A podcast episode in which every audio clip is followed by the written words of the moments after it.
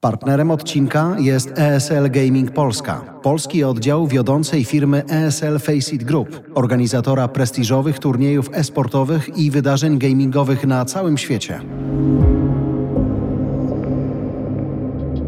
Ze studia Voice House Bartek Pucek i Jarosław Kuźniar. Oto pierwszy z miniserii odcinków podcastu technologicznie poświęcony e-sportowi. Mamy dobrych gości i sporo przeciekawej wiedzy, której nie chcemy trzymać tylko dla siebie. Częstujcie się.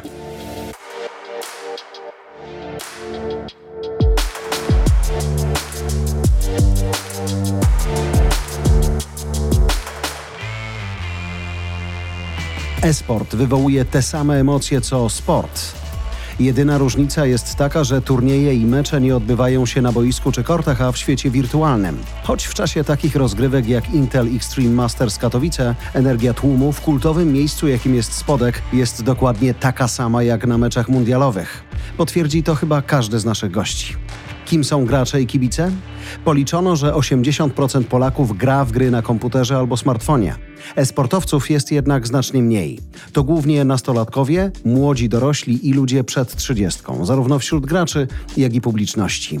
Po 35 roku życia wielu wiesza myszkę na kołku, ale wciąż związana jest z branżą. Czy to w marketingu, czy w social media, wsparciu technicznym. Zresztą e-sport wiąże się z zawodami, które jeszcze nie powstały albo są, ale nie mają swojej nazwy. Kibice z kolei to ludzie nieco młodsi od tej samej grupy miłośników e-sportu na zachodzie. To się jednak będzie zmieniać i dojrzewać. Są cenną dla marketingowców grupą generacji Z, do której trudniej się przebić, bo nie korzysta z tradycyjnych mediów. Socjologowie wskazują, że to pokolenie nie tylko bardzo lojalne wobec osób i marek, którym zaufało, ale także bardzo mocno emocjonalnie związane z wyznawanymi przez siebie wartościami. Dlatego fundamentalne znaczenie mają autentyczność i poznawanie rzeczywistych potrzeb tych ludzi. Większość co najmniej raz w miesiącu ogląda zawody sportowe, a to oznacza, że mają one ogromne znaczenie w ich życiu. Czasy, kiedy rodzice martwili się, że dziecko non-stop gra w gry na komputerze, nie ma kontaktu z rówieśnikami, nie odrabia lekcji, to już zupełnie nie ta historia. E-sport uczy wielu umiejętności, a dzięki jego globalnym zasięgom dziecko nie ogranicza się do swojego podwórka czy szkoły. Może nawiązywać relacje z ludźmi z całego świata, dosłownie z całego świata. Niektóre z nich, i są na to także dowody, zmieniają się nawet w bardzo bliskie znajomości i przyjaźnie w realu. No dobrze, jak odnieść sukces i dlaczego mentalne przygotowanie jest tak ważne we sporcie?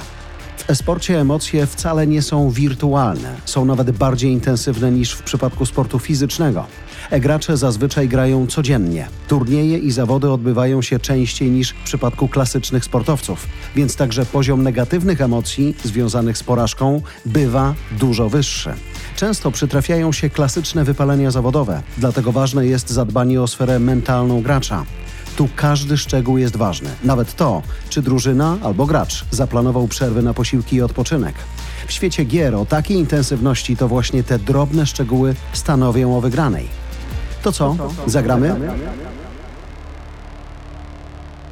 Doceniam ten moment, w którym ja mogę pytać, a nie udawać, że znam się na e-sporcie. Zadawać pytania, które z boku mogą wydawać się banalne, ale wierzę, że dzięki nim poszerzymy wiedzę naszych słuchaczy o tym, jak dzisiaj ma się e-sport i dlaczego tak dobrze. A tu się zaskoczę, bo ja mam pytanie dla ciebie w takim razie. No. Grasz w gry? Planszowe?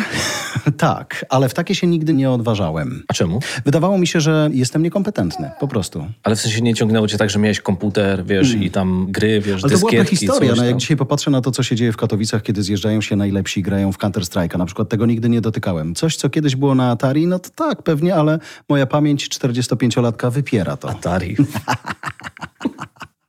No dobrze. No, a ty? Atari. Ja, ja, też. Atari, wcześniej jeszcze ZX Spectrum, później różne gry jakimś cudem, najpierw załatwiane, nawet nie mam pojęcia skąd mój tata te gry załatwiał. Do tej pory pamiętam jak jedna z gier w 90 chyba roku, tak, Secret of Monkey Island po niemiecku. O. A, to mi się podoba. Ścieżka wiesz, dźwiękowa musiała być dynamiczna. No absolutnie. Wszystko było, wiesz, czytane, bo to gra z gatunku point and click. Wszystko... Nie znosiła sprzeciwu. I to były czasy, w których grę musiałeś przechodzić raczej z instrukcją, jeżeli nie potrafiłeś jej przejść. To znaczy dało się nie skończyć gry. Dzisiaj jak gry są... Nie, czas dzisiaj ma znaczenie też w grze, nie? nie? Ale no. przede wszystkim gry były projektowane w taki sposób, że mogłeś być za cienki, żeby je skończyć. tak? Więc w latach 90. w kioskach były sprzedawane instrukcje do przechodzenia gier. Można było kupić książeczkę, w której były instrukcje do przechodzenia gier, bo gry były tworzone w taki sposób, że no jak byłeś za cienki molek, to nie mogłeś kończyć. I wiesz, niemiecki to nie była moja domena mocna w wieku, nie wiem, siedmiu lat, ale siedziałem z tym słownikiem i tam absolutnie prawo, ka każde zdanie tłumaczyłem w tej grze, żeby zrozumieć i przejść. Ale zobacz, jak spojrzysz na to taki rys historyczny. Bo No. to się zaczęło, wiesz, pierwsze gry. Oczywiście my mówimy o rynku polskim, bo jeszcze zaraz dojdziemy do kontekstu tego międzynarodowego, tak? Ale zobacz, było tak. Był ten Atari czy PC 386, 486, grałeś jakieś gry, przynosiłeś na dyskietkach, wiesz, tam się modliłeś, żeby tam jedna nie była uszkodzona, wiesz, włosy sobie wyrywałeś z głowy, a ja to chyba dużo, że jedna dyskietka jest uszkodzona i nie możesz pograć w tą grę. No i później ten moment, kiedy dostęp do internetu, czyli ta połowa lat 90., dostęp do internetu i nagle się okazuje, że są ludzie, którzy robią coś jeszcze albo robią coś podobnego. Z czasem oczywiście dużą częścią tego trendu były oczywiście gry, które jakby były esencją ruchu technologicznego. No i część osób spotykało się, później kafejki internetowe. Byłeś kiedyś w kafejce internetowej? Tak, to prawda. Chociaż z innego powodu niż główni bywalcy, ale pamiętam ten moment, ten boom, te tłumy tam. Wiesz, ja mówiłem rodzicom, że idę spać pod namiot i spędzałem, wiesz, 12 godzin w kafejce internetowej w nocy. 12 godzin. Non stop, no bo wiesz, jak już No tak, jak płacisz już te raz ciężko, oszukałeś rodziców, to jak, co jak, będziesz? już- jak już płacisz te ciężko zarobione na dachach i innych dziwnych historiach pieniądze, to warto wykorzystać każdą złotówkę. No ale masz tą kafejkę internetową, no i w tej kafejce internetowej ludzie robią różne rzeczy, patrzą na ten internet, jak on tam funkcjonuje, wygląda, ale nagle się okazuje, że też są gry i możesz też grać w gry. Możesz grać nie tylko wcześniej z komputerem, ale możesz też grać polanie z inną osobą. Niezła historia, w sensie prehistoria, ale później możesz grać również z innymi osobami z tak zwanego internetu. No i co się okazuje, że jeden z pierwszych w historii polskich turniejów esportowych odbył się w 97 roku. No i grano w Quake'a. We wszelakich domach studenckich, akademikach i tak dalej. No najpierw było łączenie kablem, a później było łączenie internetem. I to były pierwsze turnieje, tak, które ktoś mógł rozgrywać historycznie, bo większość osób myśli o esporcie w kontekście już ostatnich kilku lat, tak, no ale Pierwszy turniej esportowy był w latach 70., w 72 roku. Historia była taka, że była kiedyś taka gra, nazywała się Space War, napisana w latach 60. na takim komputerze, który się nazywał PDP-10. To jest w ogóle gra, która jest uważana za jedną z pierwszych takich gier cyfrowych, która polegała na tym, że dwóch graczy miało naprzeciwko siebie po jednym statku kosmicznym. Te statki kosmiczne miały już wbudowany ograniczony zapas paliwa, amunicji, musiały walczyć z polem grawitacyjnym planety i jeszcze do siebie strzelać. I pierwszy taki turniej był zorganizowany w 1972 roku w Laboratorium Sztucznej Inteligencji na Stanfordzie, oczywiście, gdzie 24 graczy spotkało się jednego dnia, żeby rywalizować w Space War. I zwycięzca, oczywiście w każdym turnieju są nagrody. Ówczesny zwycięzca otrzymał roczną prenumeratę magazynu Rolling Stones. Papierową oczywiście. Na początku ten krąg osób grających No tak. w gry oczywiście się zawężał do osób głównie w środowiskach akademickich, później się rozszerzał właśnie na te tak zwane LAN party wokół Quake'a, aż jesteśmy tu, gdzie jesteśmy dzisiaj, gdzie e-sport jest przez wiele osób traktowany na równi ze sportem tradycyjnym. Zdecydowanie, jak słucham ludzi, którzy siedzą w tej branży długo, a też Polska ma taką dużą moc i bardzo profesjonalną twarz e, sportową, to oni bardzo uczciwie pokazują, jak niewiele jest różnic między jedną a drugą emocją, jak niewiele jest różnic też między jedną a drugą społecznością. Mało tego, jak wiele jest wspólnych części między społecznością, kibicami, nie zawaham się użyć tego słowa, nie wiem, meczu piłkarskiego, a meczu e-sportowego. To jest tak, że emocje będą na tym samym poziomie. Tak jak dyscypliny różnią się od siebie, ktoś lubi szachy, ktoś lubi oszczep, ktoś lubi piłkę nożną. Tak samo masz w samym e-sporcie, w sensie, czyli e-sport jako kategorię sportu, ale nawet w samym e-sporcie masz różnego rodzaju dyscypliny. Są osoby, które są e-sportowcami w kategorii strzelanek, mogą być to różnego rodzaju gry, tak, no bo jest League of Legends, Dota, Counter-Strike. Grałeś w Counter-Strike? Jeszcze nie, ale powiem ci, że im dłużej w tę audycję i ja już czuję się zawstydzony, mogę obiecać sobie, słuchaczom i partnerom, że spróbuję. Ale nie ma teamów dla odbojów.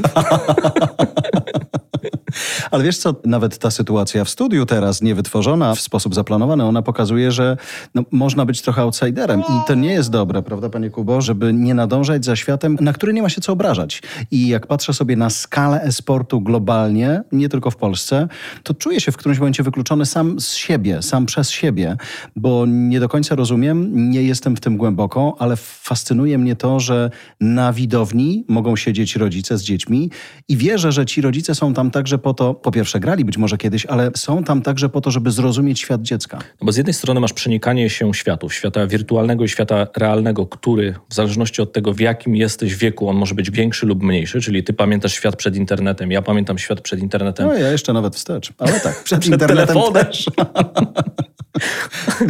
I dla rodziców, dla których dzieci, świat wirtualny jest tożsamy ze światem rzeczywistym i naturalnie się tym interesują. I dla ciebie mógł być znany piłkarz bardzo ciekawą hmm. postacią, a dla dziecka może to być bardzo znany gracz esportowy.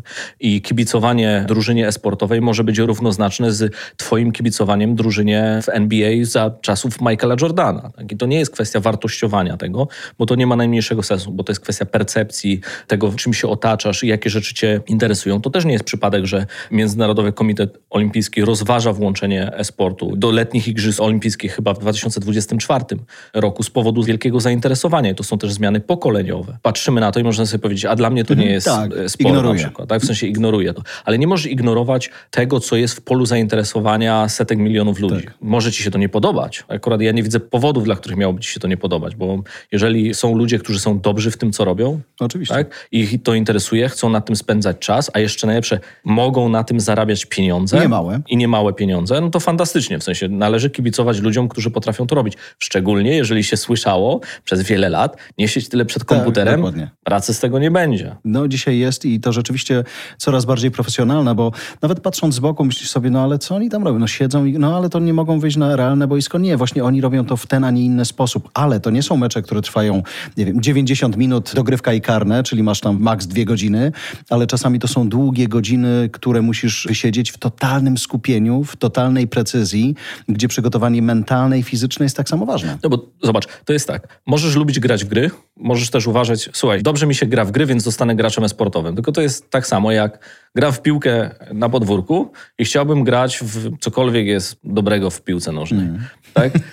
I żeśmy się dobrze dobrali. Jeżeli chcesz się profesjonalizować, to musisz poświęcić na to czas, musisz trenować, bo to nie jest tak, że loguję się i dziękuję, jestem w no stanie no grać w najlepszej drużynie esportowej, tylko to wymaga setek czy tysięcy godzin treningu, wymaga inwestycji czy to w sprzęt, czy wymaga inwestycji przede wszystkim w swoje zdrowie, w umiejętność skupienia, w umiejętność analizowania, różnego rodzaju taktyk. Każda z tych gier różni się od siebie. Są ludzie, którzy przez dwie dekady grają w StarCrafta, mają rozpykane różne rodzaje ras, które są w grze, jakie mają plusy, jakie minusy, jakie są najlepsze strategie dla poszczególnych. Są tacy, którzy przez, nie wiem, 20 lat grają tylko i wyłącznie jedną rasą, startują w różnego rodzaju zawodach i dla części osób to może być tylko fan. Dla części osób to może być profesjonalne zajęcie. No po 20 latach, tak. Jeżeli kochasz to, co robisz, no tak. tak. Jeżeli to jest ta gra, czy też to jest ten sport, spędzasz na nim czas, jesteś w tym dobry, jest ona popularna. Akurat jest niewiele gier, które jest na przestrzeni wielu, wielu lat popularnych. Tak? Raczej się w miarę szybko dezaktualizują, tak? ale jeżeli są takie, które Counter-Strike będzie świetnym przykładem. Tak? Jeżeli są popularne, jeżeli dobrze się z tym bawisz, jeżeli są ludzie, którzy chcą oglądać dobrych graczy, możesz stać się takim zawodnikiem czy zawodniczką. To jest fantastyczne. To prawda. Szczególnie, że tak jak mówimy o tej branży, zwracając uwagę na pieniądze, ale też na to, jak ona jest popularna, ona się też musi bardzo profesjonalizować. I dzisiaj patrząc po transmisjach, patrząc po drużynach, no to są tak samo mocne, silne i tak samo dobrze sfinansowane i ułożone drużyny, jak nie przyrównując te koszykarskie, siatkarskie, ręczne czy nożne. I dlatego też za tym idą pieniądze, ponieważ profesjonalizuje się. Ale dlaczego profesjonalizuje się ta branża? Dlatego, że jest szereg osób, które jest chętne oglądać najlepszych ludzi w swojej dziedzinie. Jeżeli oglądasz transmisję na Twitchu graczy, którzy mają różne role, bo czasami to są świetni komentatorzy gier. Czasami to są ludzie, którzy partycypują w tych grach. Czasami to są ludzie, którzy partycypują w tych grach solo. Czasami to są osoby, które partycypują w turniejach. Czasami po prostu grają dla przyjemności i streamują. I ten e-sport może przyjąć różne oblicza. Zobacz, że jednym z najpopularniejszych sportów, jednym z najbardziej zresztą dochodowych e-sportów są szachy. Czyli transmisje online szachów w internecie, zawody e-sportowe szachowe, które dzieją się na dwóch znanych platformach szachowych. One potrafią przyciągać miliony osób, które oglądają. I teraz zobacz, że żeby oglądać arcymistrza szachowego uczestniczącego w jakimś turnieju x lat temu, to po pierwsze musiałbyś się wybrać na ten turniej lub liczyć na to, że w telewizji ktoś to pokaże, czyli, czyli nie. Mhm. Tak? A dzisiaj możesz ty oglądać ten turniej, analizować te ruchy za pomocą jakichś platform streamingowych. Możesz też uczestniczyć sam w turniejach w swojej klasie. Ty możesz rozpocząć tą drogę pod warunkiem, że chcesz poświęcić czas, pod warunkiem, że sprawia ci to przyjemność. Dzisiaj Jeżeli ktoś powie, ja będę zarabiał z grania w gry, no to 20 czy 30 lat temu byś powiedział, no to jest abstrakcyjne i szaleństwo i reakcja rodziców byłaby jednoznaczna, a dzisiaj ktoś powie, będę grał w gry i będę z tego żył, i nagle mówisz, OK, w sensie, ale jaki jest twój plan? Bo nie wydaje ci się to już, czy to jest trudne? Tak, ale czy jest nierealne? Nie, zawsze możesz spróbować. Szczególnie, że to, co mówisz w kontekście profesjonalizacji tego i skali, jest czymś, co mnie przekonuje. Jakby patrząc po różnych rzeczach, które na przestrzeni mojego świata, czyli medialnego po drodze się działy, no to nawet rozwój social mediów to było, nie dotykamy tego. To są nasi konkurenci. Jasne, że dzisiaj akurat może jesteśmy w takim momencie, gdzie social media są w dużym kryzysie, ale jednak był moment, kiedy one miały moc niezwykłą i media tradycyjne nie były w stanie za tym nadążyć. I tak samo lekceważenie tej zmiany i tego świata wydaje mi się po prostu głupie. W latach 90. była Były wydana takie? taka gra, nazywała się Mad TV. W tej grze gra wideo na komputerze, Mad TV, zarządzało się stacją telewizyjną. O, Robiłeś ramówkę, dobre. Wybierałeś sobie hosta. sprzedawałeś. To była gra z ogromnym poczuciem humoru do zarządzania stacją Mad telewizyjną. TV, no. Ja już byłyby ciekawe naprawdę odpalić i dać ci chwilę zagrać.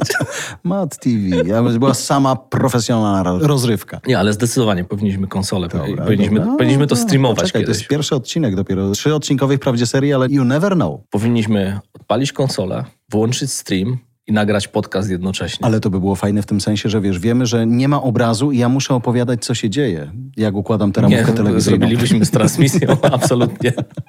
To, co mnie przekonuje poza tym, że to duży biznes i że wstydem jest nie rozumieć i nie nadążać, to też właśnie to, że to jest świat, który siłą rzeczy będzie naturalny dla młodego pokolenia, a ja lubię nadążać i, i rozumieć i mieć wspólny język. A jeżeli będziesz sam się wykluczał, nie rozumiejąc, będziesz zawsze na marginesie. Wiesz, średni wiek gracza sportowego to jest około 25-26 e. No wiesz, to nie jest mało. lat, nie? Tak, to nie jest mało, nie? Dokładnie, ale to jest tak, że oczywiście nigdy nie jest za późno. Tak? No, patrząc po nas, tak. Możesz się wkręcić w jakieś gry pod warunkiem, że, że wiesz, że spróbujesz, że masz swoje ulubione, ale też możesz zacząć oglądać. Jak Hmm. wejdziesz na Twitchu czy na YouTubie i zobaczysz sobie transmisję, a już nie mówiąc o tym, że jak się wybierzesz do spotka, ja akurat byłem w spotku na, Mm, na wiem. turniejach i to wygląda niesamowicie. To jest wspaniałe. Kilka razy też byłem na meczach siatkówki i przyznam szczerze, że emocje moim zdaniem były co najmniej porównywalne, tak? w szczególności jeżeli mówimy o takich finałowych grach Mhm. w turniejach esportowych. Oczywiście raz zdarzyło mi się też oglądać rozgrywkę w Korei Południowej,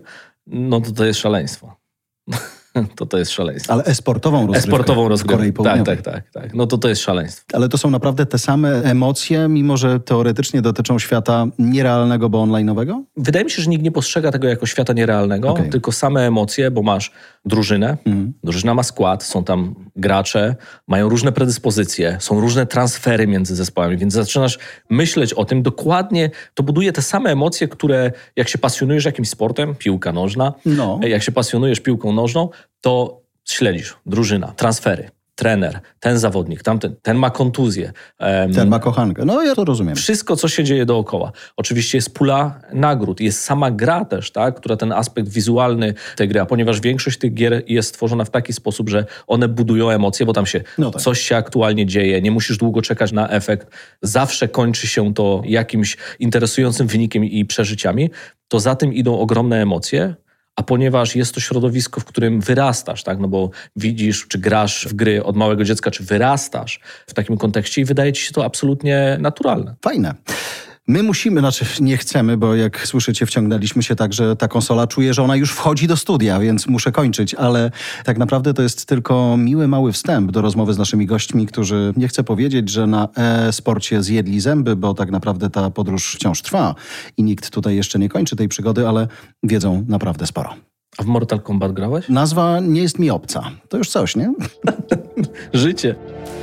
Czas na naszych pierwszych gości. Rafał Pikiewicz, Managing Director ESL Polska i Adrian Kostrzemski, rzecznik prasowy ESL Polska. Żałuję panowie, że mikrofon, kiedy siedzieliśmy i szykowaliśmy się na spotkanie ze słuchaczami, był wyłączony, bo moment, w którym Spieraliście się nawet o to, czy jest sens jeszcze komuś tłumaczyć, czym jest esport, był uroczy. Tak, bo my znamy się już tyle, tyle lat, że nasze dyskusje i te oficjalne i nieoficjalne na temat e-sportu, kierunku rozwoju e-sportu, to co wydarzyło się w e-sporcie, to co się wydarzy w e-sporcie, już są na takim poziomie, że tak, myślę, że fani, którzy by temu się przysłuchiwali, mieliby olbrzymią pożywkę, a raczej dawkę dobrego humoru. I również. zobacz, on wziął na siebie to łatwiejsze, a ciebie, Rafał, gdybym miał zapytać dzisiaj, w 2022 roku, po całych dwóch latach trudnego momentu, e-sport to co? Ciekawe pytanie. E-sport to co? Ja bym powiedział w ten sposób, że e-sport to jest pewien rodzaj rozrywki skierowanej do graczy komputerowych. Ta rozrywka, ona ma więcej atrybutów sportu niż takiego zwykłego show, ale też jest to oczywiście rozbudowane, szczególnie na eventach, o te elementy mm, show. I e-sport, jakbym to tak zdefiniował, to bym powiedział, że e-sport to przede wszystkim emocje. Jednak. Jednak emocje, tak zdecydowanie. To jest o tyle chyba fajne, że niezależnie od tego, czy będzie tam E, czy nie będzie tam E i zostanie sam sport, on bez emocji nie istnieje. Zgadza się. Nie istnieje, a e-sport jeszcze ma tą taką charakterystykę, że te emocje, one są bardzo spontaniczne. Na eventach to też widzimy i też same te gry, czyli ten, mówiąc takim językiem sportowym, dyscypliny sportowe, one powodują, że tak naprawdę finał takiego spotkania nie jest wiodem do samego końca. I to jest chyba też takie bardzo fantastyczne w tym. Kiedy zaczynamy mailowo się witać z kimś i mówimy miło mi cię na razie e poznać, przyjdzie czas na real, to dzisiaj jak popatrzycie, także myślę o tym dwuletnim, ostatnim, innym niż zwykły czasie, to to e dla ludzi dzisiaj jakie ma znaczenie? Na ile ono jest inne od realu? jest bardzo tożsame. Widzimy to po dyskusjach chociażby związane z metaversem, aczkolwiek nadal esport w naszej ocenie to są ludzie, żywi ludzie. Wielu przeciwników esportu mówi, że to jest tylko i wyłącznie głupie klikanie w myszkę lub klawiaturę, bądź walenie w joystick, jak to jeden z panów prezesów powiedział swego czasu. Aczkolwiek esport to są ludzie, to jest rywalizacja ludzi, to jest rywalizacja zespołów. Bez tego czynnika ludzkiego nie będzie esportu. Nie będzie emocji. Nie będzie emocji, nie będzie sportu, nie będzie tych wspaniałych graczy, kibiców nie będzie i też bym dodał tutaj do tego, co powiedział Adrian, że esport bardzo fajnie buduje bohaterów. Bohaterów tej sceny, tych gier. Ci gracze stają się naprawdę w bardzo szybki sposób, no może nie bożyszczami, bo to by można było za duże słowo, ale takimi idolami młodych ludzi, kiedy oni obserwują, jak ci najlepsi gracze na świecie po prostu grają w swoje gry. To gdybym poprosił was o być może absurdalne, być może banalne, być może straszne, ale spróbowanie wytłumaczenia, czym się różni zawodnik od e-zawodnika, to Adrian, co to będzie? Nie ma różnic. Jeżeli wejdziemy w porównanie e-sport-sport, Mhm. Mamy zawodników profesjonalnych, mamy drużyny profesjonalne, mamy profesjonalnych organizatorów rozgrywek sportowych, mamy kibiców. Mamy kibiców, którzy jeżdżą ze swoimi drużynami po całym świecie. Mamy całe sztaby szkoleniowe, które podróżują za zawodnikami, oczywiście w tych topowych zespołach, bo już mhm. to nie jest tylko obsługa marketingowa, social mediowa, foto, wideo, ale to są też psychologowie sportowi, są to fizjoterapeuci, czasami nawet kucharze. Jedyna różnica między e-sportowcem a sportowcem to boisko. W sporcie mamy fizyczne boisko, które widzimy, jest to boisko do piłki nożnej, koszykówki, siatkówki, a we sporcie jest to wirtualna gra. Czy to jest Counter-Strike, czy to jest FIFA, League of Legends, StarCraft 2. Wszystkie znane nam mechanizmy w e-sporcie występują, które są w sporcie tradycyjnym. Dla ciebie? Ja się tu w 100% zgadzam z Adrianem. Kurczę, jakoś tak się... Musimy wiesz, kończyć audycję. To była tak, jedna z najkrótszych tak, no audycji jest... o e-sporcie ever. Ale ja muszę powiedzieć, że to jest w ogóle dziwne, że my się tak ciągle zgadzamy, Adrian. No to zwykle tak raczej się challenge'ujemy nawzajem, no ale dobrze. Wracając szybciutko do meritum. Ale mogę pomóc, bo no. jeżeli mówimy o emocjach, ja pytam o to, jaka jest różnica, czy jaka może być różnica między zawodnikiem i zawodnikiem, czy to są te same emocje? Ja siedzący na stadionie, ja siedzący w spodku. Myślę, że to są te same emocje. Mają inną barwę, bym powiedział.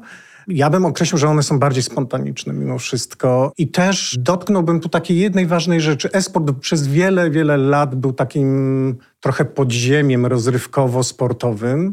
Szczególnie te pierwsze lata AIM, a kiedy się AIM pojawił w Katowicach, to dla wszystkich to, że ta impreza zaistniała w Polsce, to była jakby dodatkowa jeszcze rzecz. Oni się po prostu wszyscy się cieszyli, że w końcu nie będziemy przedstawiani jak ta przysłowiowa baba z wąsem, czyli jacyś tam dziwni chłopcy, którzy grają sobie po prostu w gry komputerowe, tylko ludzie zobaczą, że tak naprawdę to jest wielka, wielka rzecz dla nich, dla tych młodych ludzi. I jeszcze jedna rzecz a propos samych zawodników. Jest taka anegdota, trochę wewnętrzna. Mam nadzieję, że autor nie będzie, Śmiało nie wycinamy. nie będzie mi jej wypominał, ale był taki czas, kiedy zmieniła się struktura właścicielska w Legii Warszawa.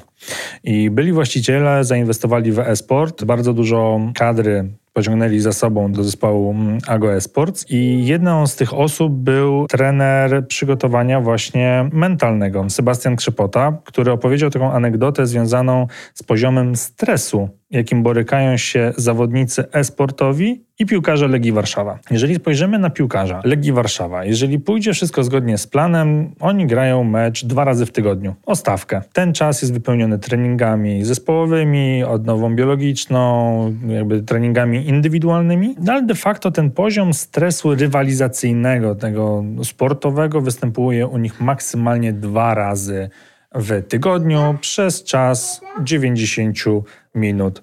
W momencie, kiedy spojrzymy na e-sportowców, oni grają takie 3-4 mecze dziennie, o stawkę.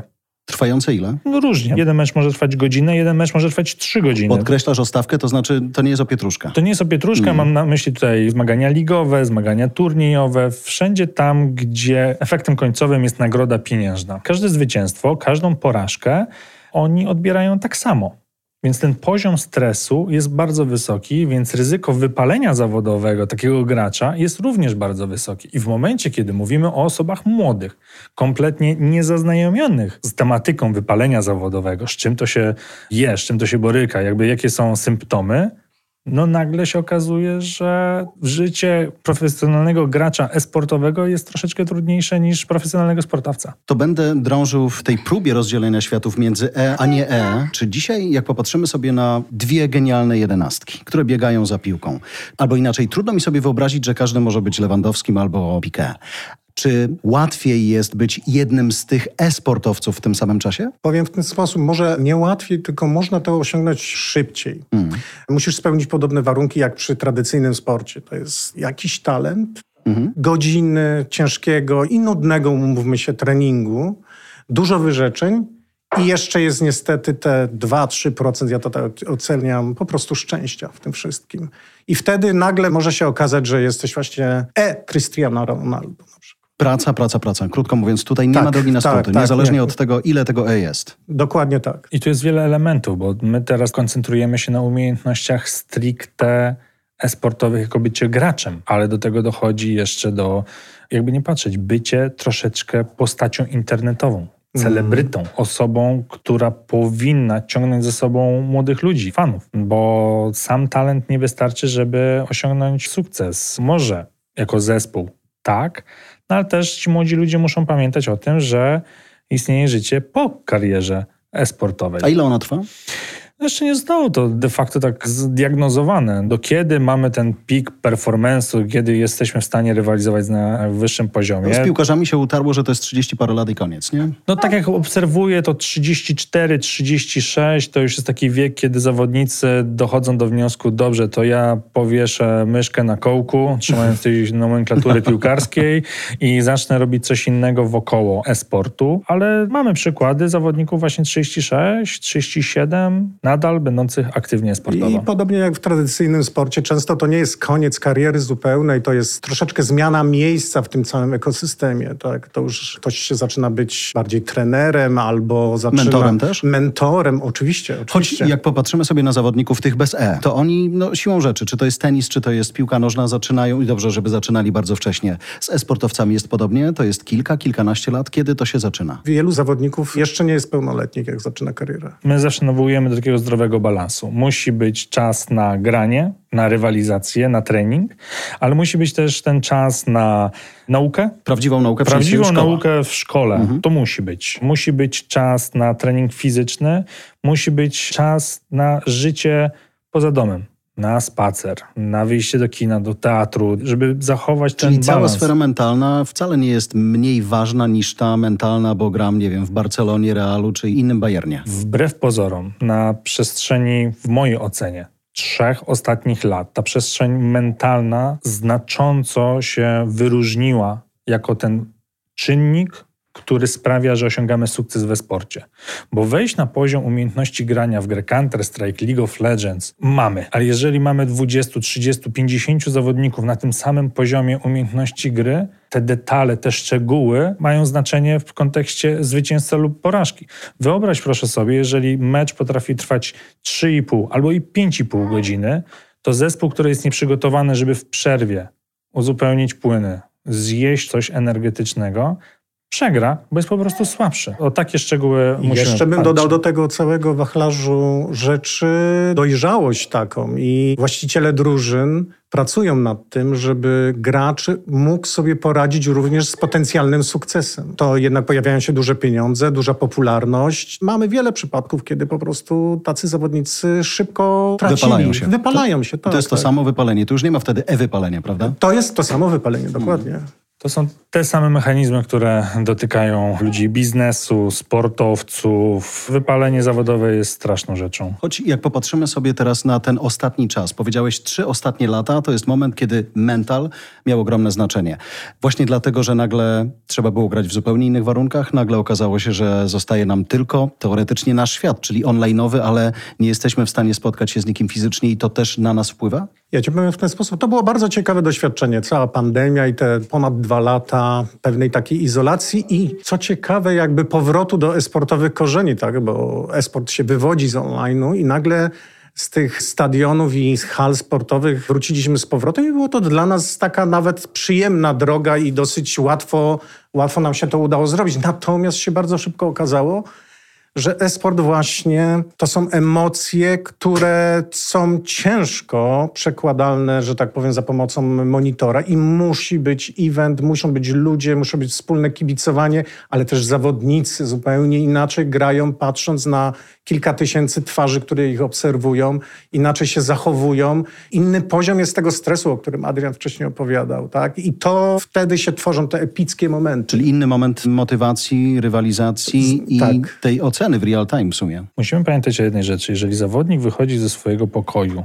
i jedzie na turniej lanowy, offline, zmienia się jeden bardzo ważny mianownik tej rywalizacji. On wychodzi ze strefy komfortu, którą zna we własnym pokoju, ze swojego biurka, swojego fotela, odpowiednia wysokość i tak dalej, trafia na neutralny grunt, równy każdemu zawodnikowi. To już wzmaga w nim pewien poziom stresu czy dodatkowych emocji. Sama rywalizacja, nawet w studio telewizyjnym, co my widzimy na własnym przykładzie, sprawia, że zawodnicy, którzy nie ma co ukrywać, na papierze wyglądają jako najsłabsi uczestnicy, potrafią zaskoczyć. Potrafią zaskoczyć tych najlepszych, bo mają dzień, bo jakby idealnie się przypasowali, mają po prostu dzień konia i jedziemy ze wszystkimi. Jakby to są takie właśnie detale, które już robią znaczącą różnicę. Też myślę sobie, że miejsce, w którym spotykacie się w tym świecie, czyli Spodek w Katowicach, to jest no, jedna z największych takich przestrzeni w Polsce, jak nie w Europie. Emocje tam nawet nie są trudne do wyczarowania. To jest coś takiego, co nie ma szansy nie wpłynąć. Zgadza się. Wiele razy rozmawialiśmy na temat, dlaczego ten spodek, a nie inna hala sportowa. Są większe hale. No niż- Torwarze są takie piękne koncerty właśnie. Są piękne koncerty na Torwarze, ale wiele tych hal, czy w Krakowie, Tauron, czy w wielu innych miejscach, to są naprawdę przepiękne budynki, nowoczesne i tak dalej. Ale dlaczego ten spodek? Wiele aspektów. Oczywiście to, że to jest kultowe miejsce u nas w Polsce. Ono jest powiązane z wieloma bardzo ważnymi wydarzeniami, ale to, że on ma taką antyczną arenę, taką jak grecki teatr, prawda? To, że ludzie siedząc tam czują bardzo dużą bliskość tej sceny, to chyba też jest taki element. No a poza tym, no to są Katowice, a ja kocham Katowice.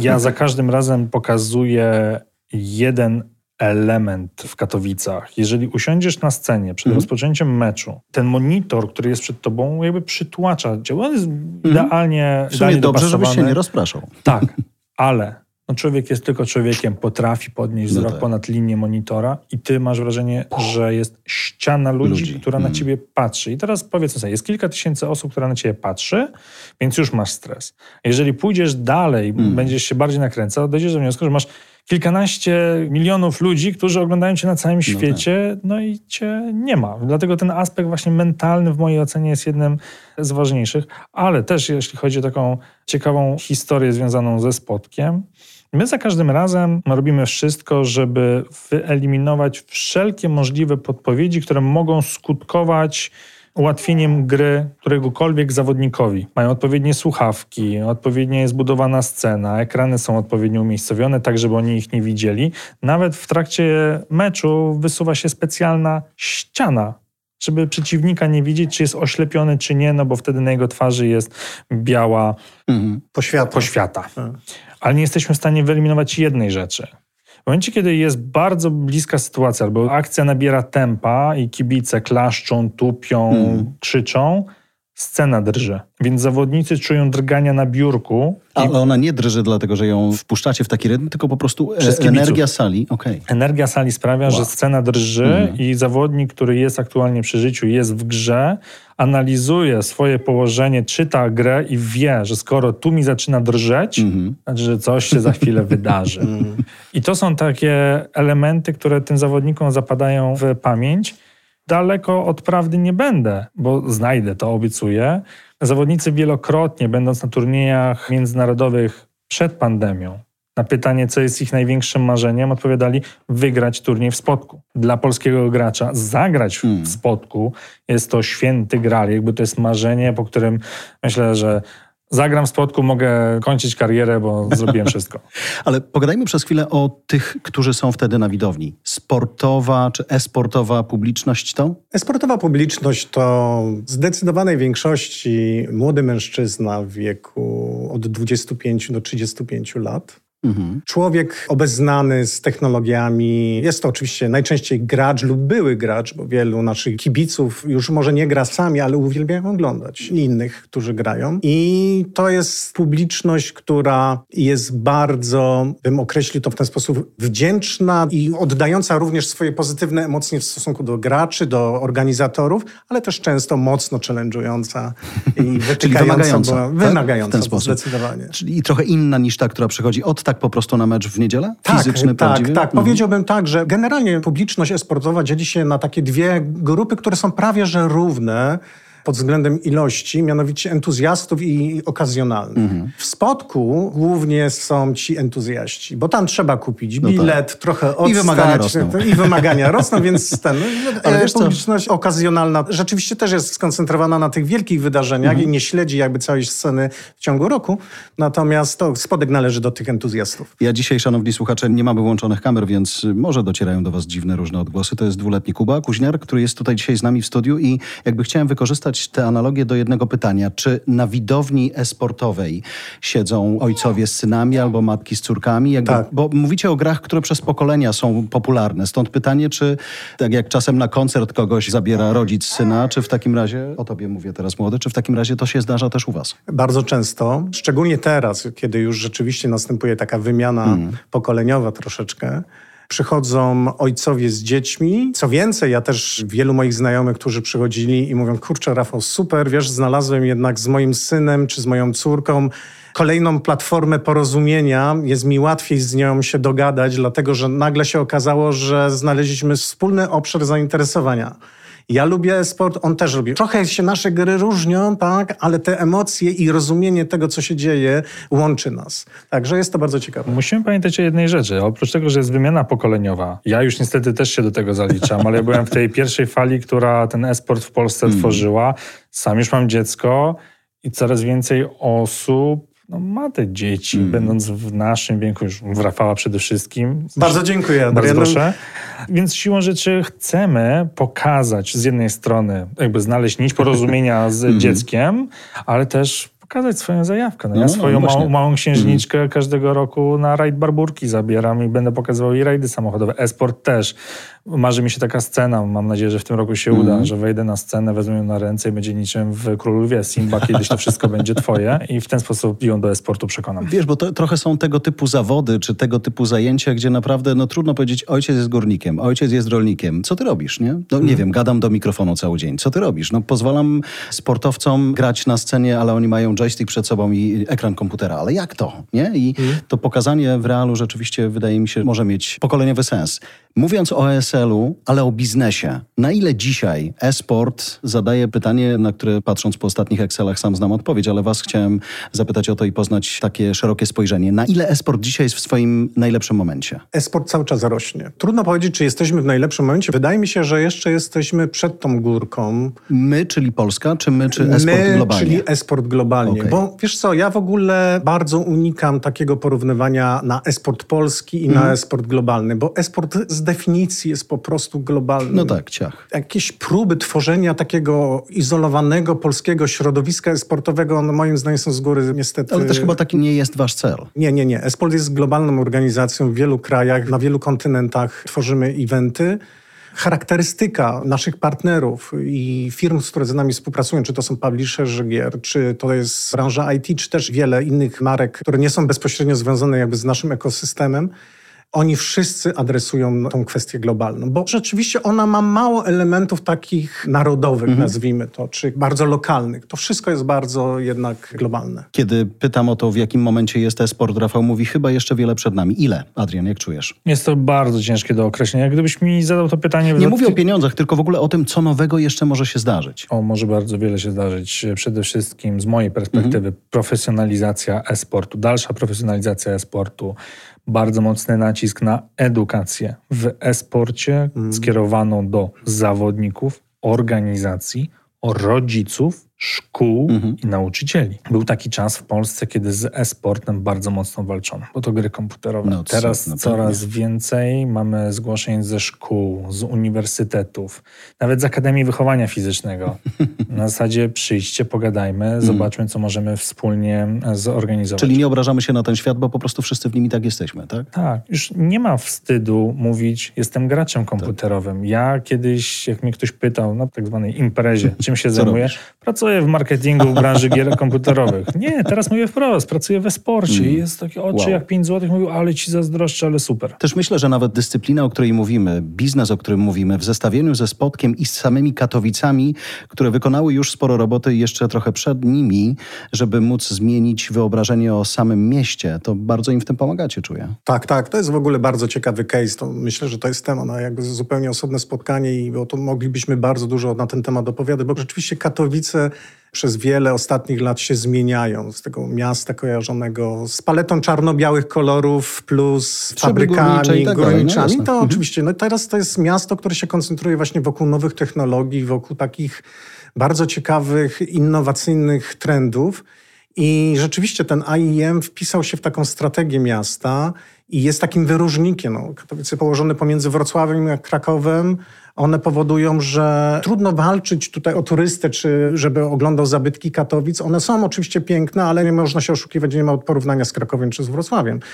Natomiast rzeczywiście stało się, ten spodek stał się takim elementem rozpoznawalnym w tym świecie sportu i on bardzo mocno pomaga miastu w promowaniu. 2023 rok to co nowego? Powrót. Impreza pod hasłem Powrót. Wracamy do tego, z czego większość ludzi nas zapamiętało. Reunion. Czyli, tak, czyli przepiękny turniej w katowickim spotku, fenomenalna strefa wystawiennicza w Międzynarodowym Centrum Kongresowym, dużo aktywacji dodatkowych dla wszystkich odwiedzających. Drżenie na scenie gwarantowane. Na pewno, ale może się zdarzyć, że drżenie nie tylko na jednej scenie, bo planujemy naprawdę dużo, dużo aktywności dodatkowych. Mocno zaskoczymy w tym roku, bo też oczekiwania są duże. Jesteś- Czyje? Sportowców, zawodników w sensie, czy fanów? fanów? Fanów, ci, którzy są stęsknieni za e-sportem. To dopytam w takim razie, jeśli pozwolisz, Rafał, ciebie. To fani nadają dzisiaj ton? To fani dzisiaj nadają kierunek? To oni tworzą trendy? Myślę, że w dużej mierze tak. Zresztą my to analizujemy, my zastanawiamy się, my śledzimy ich wypowiedzi i sami kształtujemy naszą strategię imprez, turniejów i tak dalej po to, żeby no jakby spełnić ich oczekiwania. Więc oni są tym takim kierunkiem, natomiast w jaki sposób, to już staramy się my to zrobić. To dopytam na koniec jeszcze, choć wiem, to wydaje mi się bardzo logiczne, słuszne i z tym się nie, nie śmiem nawet dyskutować. Czyli nie lokalizujemy tego, tylko to jest globalny biznes. Ale jednak regionalnie jak to wygląda? Kto jest dzisiaj, patrząc po całym świecie, takim najsilniejszym regionem esportowym? Ameryka Południowa, Ameryka Północna, Europa? Zależy, jakie czynniki bierzemy mm. pod uwagę. Jeżeli bierzemy czynniki pod uwagę ilość graczy czy fanów e-sportu, to bym powiedział, że to jest Azja i Pacyfik generalnie. Jeśli mówimy o jakąś takiej zasobności portfela i ten, to myślę, że Stany Zjednoczone, Europa również. No jest dużo różnych czynników, które możemy brać pod uwagę, natomiast jedno jest pewne i tutaj jest coś ciekawe, że Polska jest bardzo wysoko w tych mm. wszystkich rankingach i akurat ten e-sport jest lubiany przez Polaków. Z uwagi na profesjonalizację wokół tego wydarzenia, czy jak? Co wpływa na tą pozycję? IEM Katowice na pewno jest takim żaglem dla całej branży e-sportowej, która napędza zarówno nas tutaj w Polsce, jak również zespoły czy zawodników. Ale trzeba oddać dużo kibicom. Jakby polscy kibice są jednym z najlepszych kibiców na świecie. To oni potrafią oddać atmosferę święta, które jest wyczekiwane. Choć ciekawe, dostali teraz wyzwanie od kibiców z Brazylii, bo zeszłotygodniowy event, właściwie w ostatni weekend się skończyło IEM Rio no tam, co się działo na trybunach, to było coś wykraczające ponad wszystko, co do tej pory widziałem. Jak czujesz?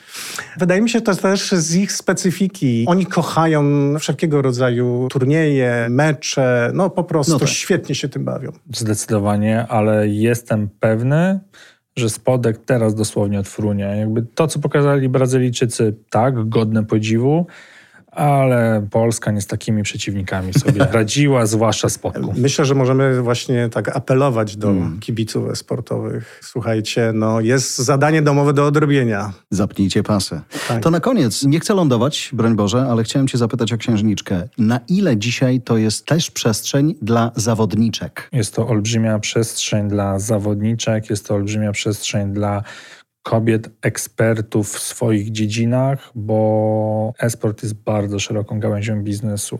Ja oczywiście mojej małej księżniczki do niczego zmuszać nie będę. Jeżeli będzie chciała grać, to mhm. będzie. Jeżeli będzie chciała tańczyć balet, to będzie tańczyła balet. Ale patrząc po to, jakie są możliwości, w jakich dyscyplinach mogą rywalizować, piękne czasy przed żeńskim esportem. Niech to będzie puenta. Obiecałem kilka różnych spojrzeń na sport. Czas oddać głos tym, którzy siedzą w nim po uszy. Jacek Jankowski. Na co dzień marketing WP.pl, a po godzinach tata gracza na TikToku. Na swoim kanale pomaga młodym graczom i ich rodzicom, chyba nawet szczególnie ich rodzicom, poszukać platformy porozumienia, jakim jest e-sport. Rodzice często myślą, że taka osoba siedzi przed komputerem, gra, jest oderwana od znajomych, od przyjaciół itd. Tak to jest największe kłamstwo, największy problem, bo bardzo często ci gracze właśnie tam mają znajomych, często grają ze znajomymi ze szkoły, z otoczenia, ale nie mają ograniczenia, z kim mogą zagrać. I to są ludzie z całego świata, z całej Polski, z całego kraju i bardzo często te znajomości w grach przeradzają się na bardzo fajne relacje, czy to online'owe, ale czasami też offline'owe, gdzie się spotykają normalnie w życiu. Nasz kolejny gość, Jarosław Jarząbkowski, czyli Papito, grał przez ponad 20 lat. Teraz robi dla młodzieży obozy sportowo-esportowe i udowadnia, że jedno drugiego zupełnie nie wyklucza. To jest fajne, gdzie przyjeżdżają właśnie młodzi ludzie, gdzie ze sportem nie mieli nigdy nic do czynienia. Później po obozie rodzice do nas dzwonią, piszą wiadomości, jak to się stało, że moje dziecko mówi zapisz mnie tato na Muay Thai. My pokazujemy trendy, że warto to robić, łączyć. Głowa świeższa jest, nie siedzieć 10-12 godzin przed komputerem, bo to nic nie da. Ja mówię, ilość dobrze przepracowanych godzin przed komputerem, a nie siedzenie i klikanie bez sensu, to nigdzie nas nie zaprowadzi. Zawsze mówię, nie siedzieć, ileś, ilość godzin nie zrobi z ciebie gracza komputerowego. Wszyscy mówią play hard, go pro. Zgadzam się z tym, ale to trzeba jakoś jakość. Jakość musi być przepracowany godzin przy komputerze. Twój mózg nie jest w stanie pracować przez 8-10 godzin na najwyższych obrotach. Ja mówię, 2-3 godziny to jest e, wystarczająca ilość do zostania prograczem, tylko trzeba ten czas mądrze sobie układać i wiadomo inne rzeczy dookoła też robić, nie tylko zamykać się na tą grę. Z kolei Norbert Sosik jest socjologiem. Lubi badania marketingowe. Świetnie poszło mu ze zmierzeniem środowiska e-graczy. Ważna jest autentyczność marki we sporcie, więc trzeba wiedzieć, jak to zrobić, żeby zrobić to mądrze, dobrze i żeby nie urazić community albo nie narazić się na śmieszność, bo też były takie przypadki nawet i globalnych kampanii, które nie były dobrze odebrane w świecie gamingu. Mm, zdecydowanie mamy fajną okazję dotrzeć do, do osób właśnie z generacji Z, którą ciężko jest czasem złapać w takim tradycyjnym miksie mediowym, ze względu na, na troszeczkę już inne zwyczaje związane z tymi tradycyjnymi mediami i tutaj z jednej strony możemy do nich dotrzeć, bo oni tutaj są, ale też to, co ciekawe jest, że docieramy do nich w ramach takiego touchpointu, który jest dla nich bardzo ważny, jest tożsamościowy, są bardzo zaangażowani w to. Tutaj też w ramach takich globalnych badań naszego community, które prowadzimy, to widzimy, że 90% naszych odbiorców określa się pasjonatami sportu. Zadajemy takie pytanie właśnie na skali 10-stopniowej i te 90% to są osoby, które zaznaczyły przynajmniej 7, więc po prostu łapiemy tą grupę docelową.